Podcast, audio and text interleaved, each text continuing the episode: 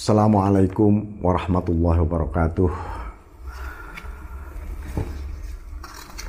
Bismillahirrahmanirrahim.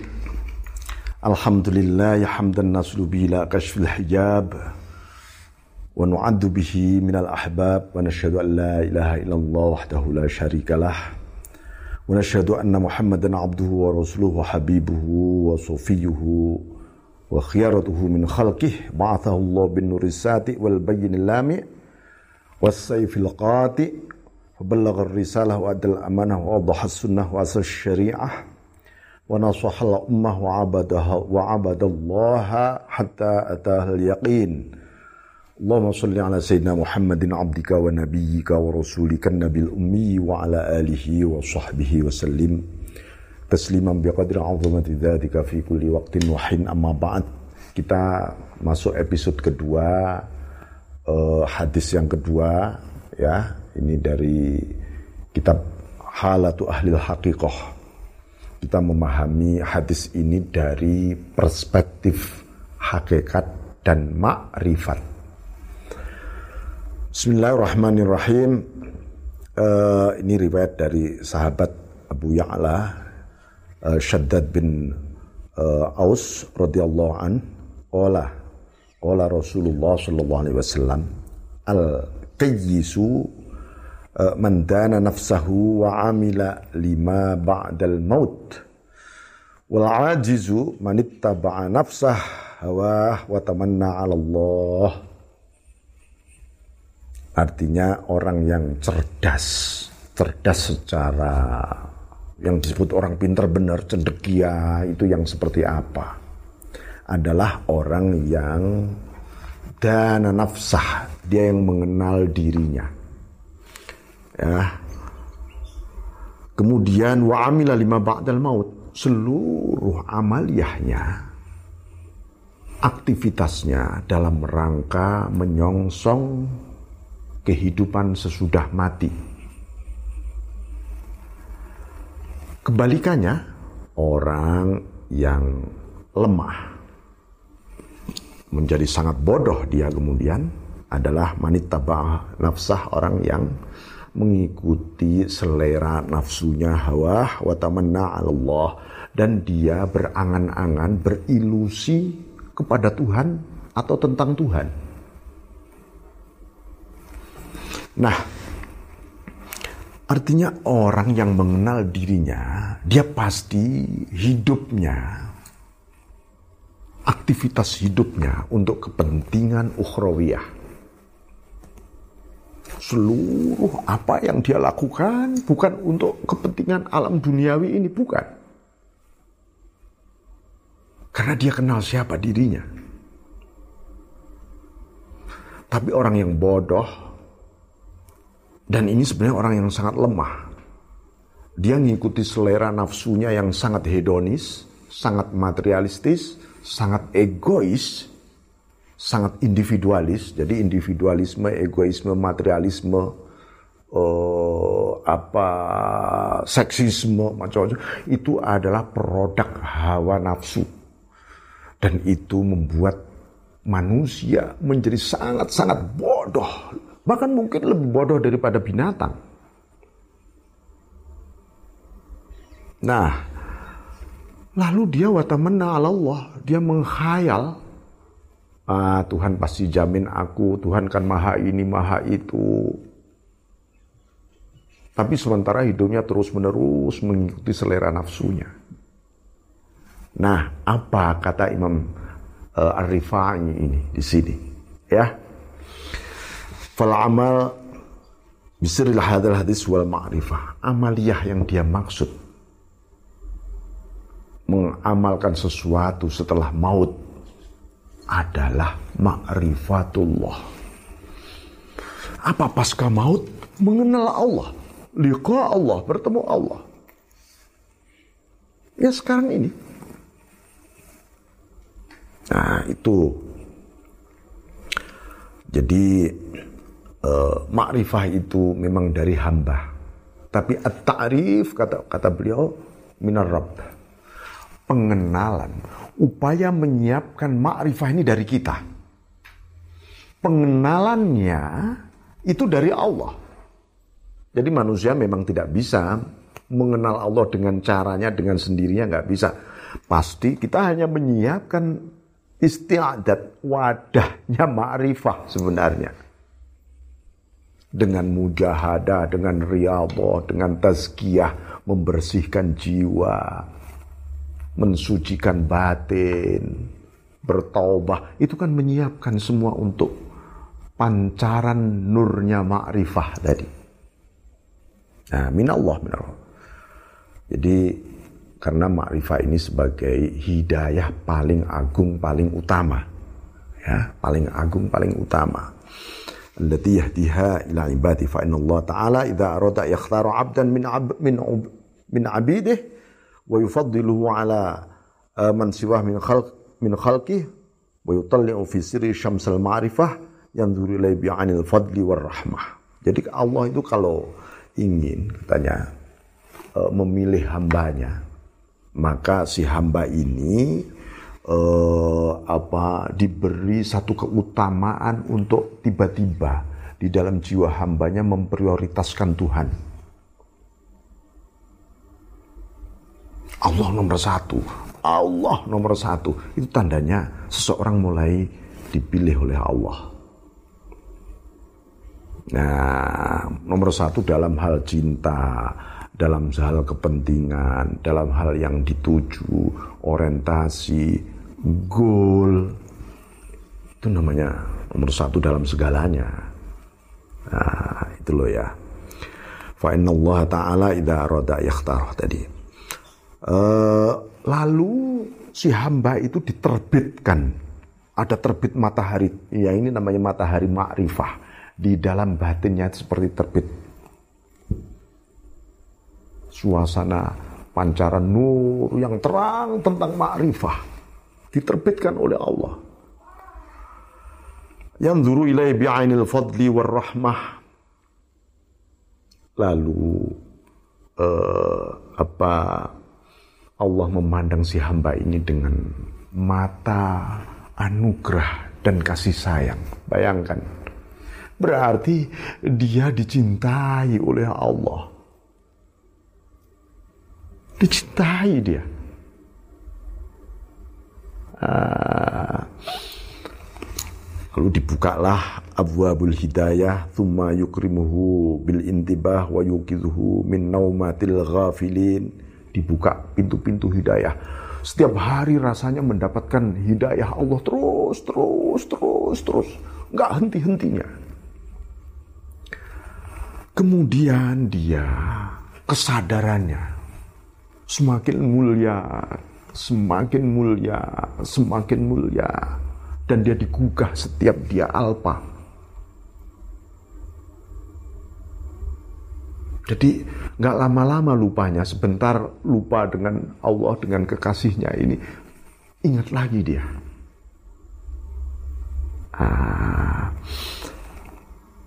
Wa yun'imu wa yamunnu alaihi bi syarhil qalb wa yadhabu anhu mautul qalb bil fahm Lalu hatinya menjadi lapang, melihat hidup ini begitu luas.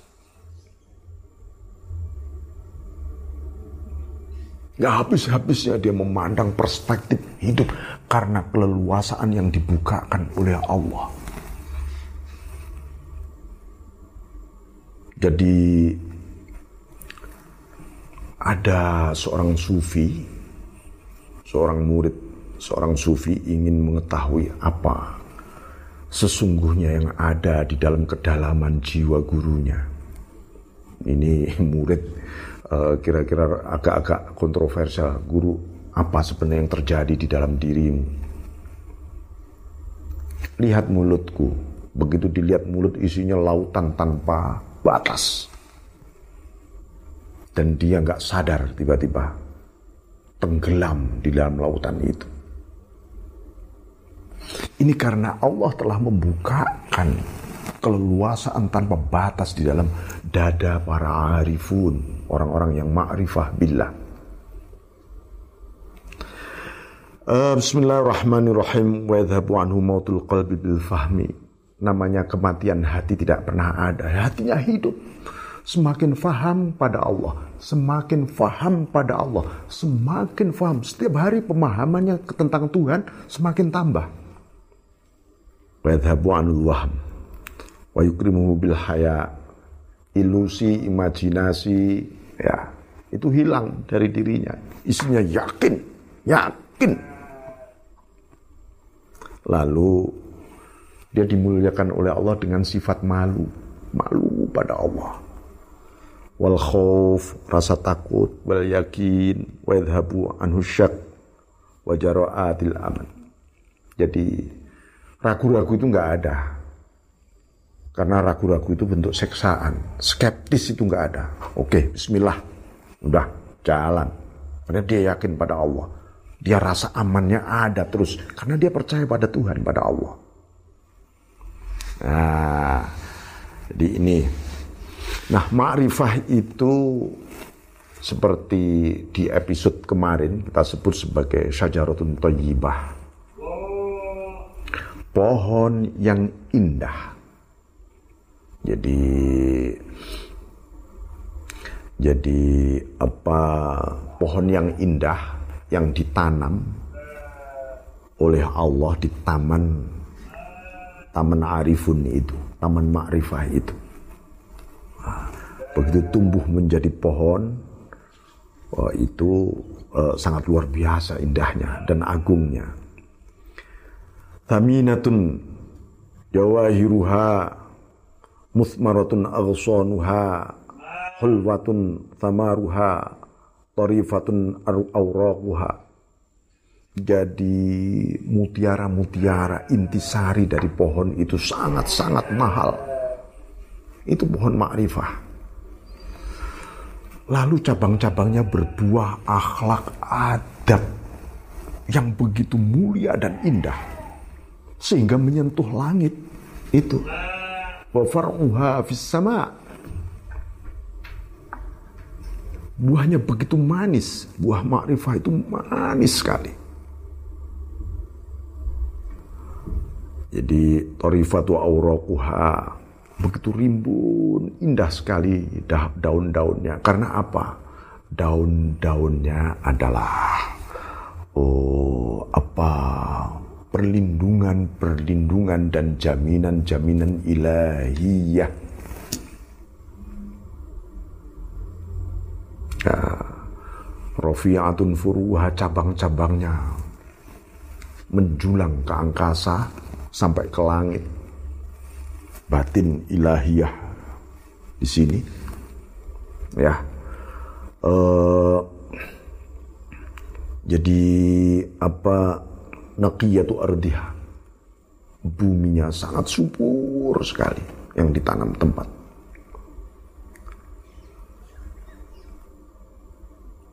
airnya sangat jernih dan segar harum sekali saya nggak bisa membayangkan ini tentu Taman Ma'rifah ini adalah taman surgawi sebenarnya. Yang tidak bisa dibayangkan memang. Tapi bisa dirasakan oleh para arifun. Orang-orang yang ma'rifah. Jadi orang-orang yang memiliki pohon ini tentu uh, sangat peduli untuk menghargai, menghormati karena kemuliaan pohon ini, pohon ma'rifah ini. Ya, jadi karena di situlah dia selalu berbahagia. Berbahagia karena apa? Bunga-bunga yang tumbuh dari pohon ma'rifah ini. Indahnya bukan main. Pada saat yang sama, bencana, uh, kemudian kehancuran, ancaman, senantiasa terbendung oleh pohon makrifah ini. Terbendung oleh pohon makrifah ini. Nah, pohon inilah yang menolak seluruh bencana hidup. Dunia maupun akhirat bencana yang mengancam iman, bencana yang mengancam yakin, bencana yang mengancam uh, apa jiwa ehsan seseorang. ini dari pohon ma'rifah ini tadi. Ya. Nah, bagaimana posisi pohon ini ibarat pohon kemakrifatan. Ladangnya adalah hati kolbu para hambanya yang di uh, apa ya dibajak oleh Allah, ditanami uh, apa itu dicangkuli. Allah sendiri yang mencangkuli hati hambanya, yang menanami Allah, yang memupuk Allah. Jiwa-jiwa hamba yang beriman ini menyiapkan menjadi ladang. Ladangnya adalah kolbu dia ini. Nah, Anda siapkan kalbu Anda harus beriman, harus bersih, harus suci, harus bagus, subur namanya ladang. Tapi kalau ladang kita kering, ladang kita membatu, gersak, harus ditanami apa? Harus dicangkul dengan apa ini? Nah, ini. Jadi maka karena ini ladang ini kalau sudah di menjadi ladang ilahi maka akan selalu dihujani melalui kalau ada mendung itu mungkin mendung cobaan saja tapi akan melahirkan hujan nikmat dan anugerah yang menyuburkan jiwanya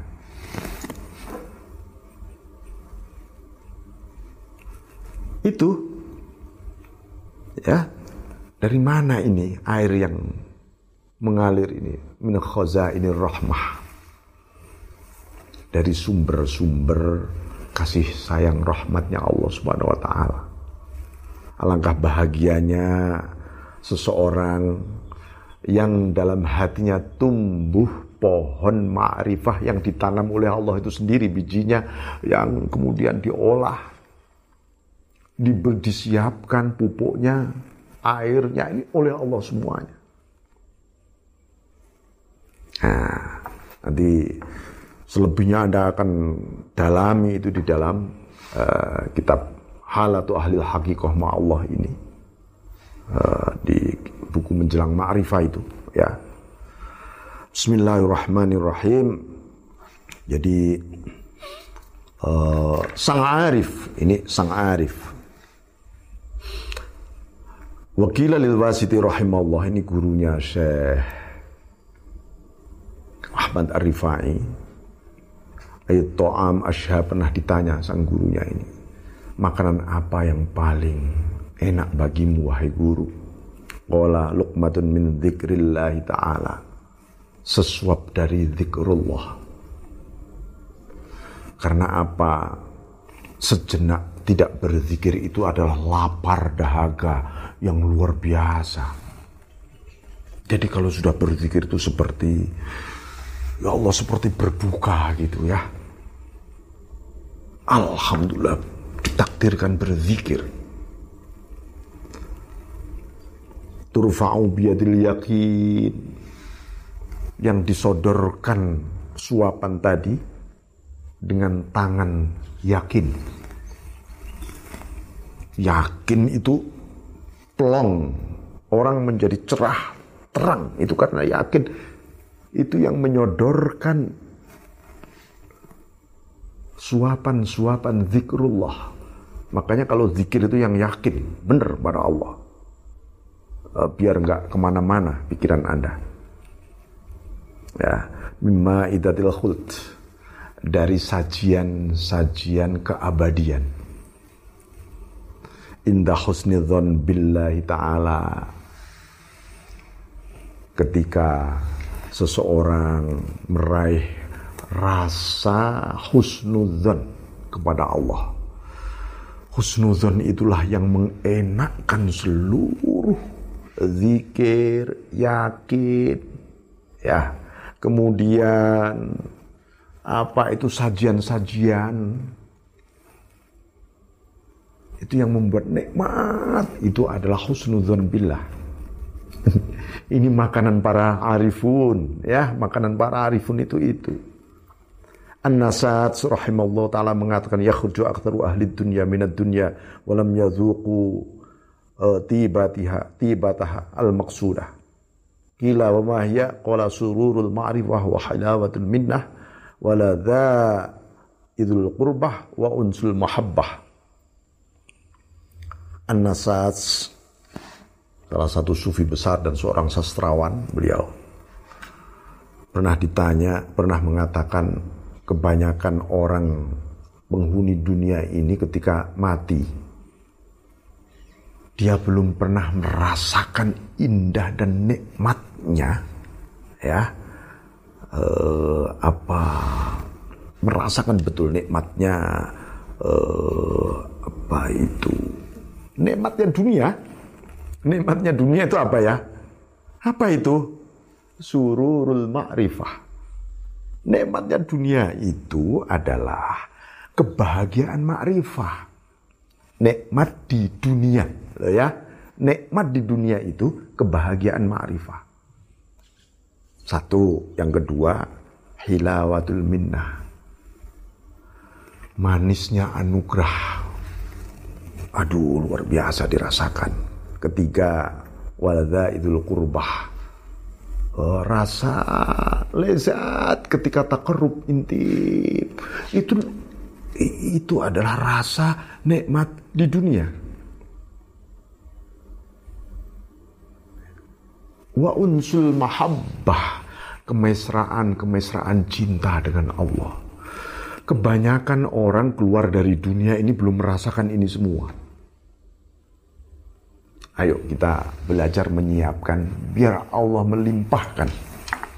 Ya, biar Allah yang melimpahkan kita menyiapkan dengan mujahadah kita dengan terus menerus tolabul ilmi kita dan seterusnya. Bismillahirrahmanirrahim.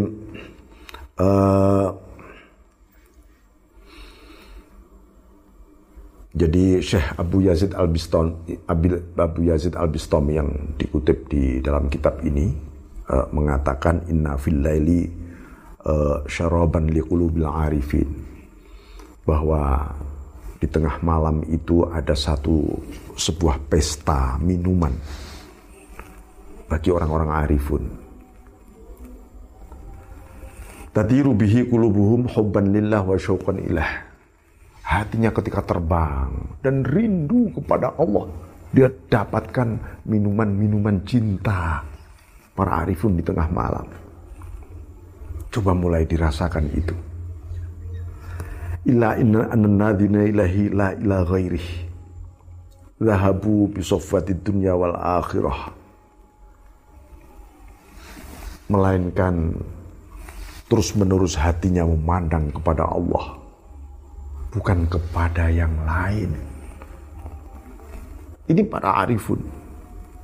Mereka pergi dengan dunia yang indah dan jernih. Begitu juga akhirat yang indah dan jernih. Ayo kita mulai rasakan pelan-pelan. Ya, sambil berzikir.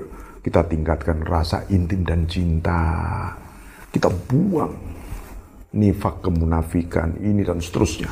Keburukan kita lunturkan semuanya. Bismillahirrahmanirrahim. Jadi nanti eh, apa ini untuk menggambarkan bagaimana orang yang pandai hatinya dan orang yang sangat tolol hatinya. Ini soal mengikuti nafsu dan anti terhadap hawa nafsu saja. Ya.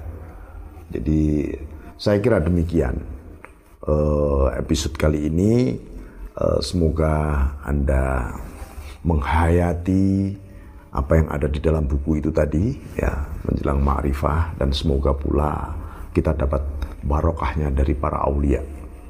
Wallahu muwaffiq ila Assalamualaikum warahmatullahi wabarakatuh.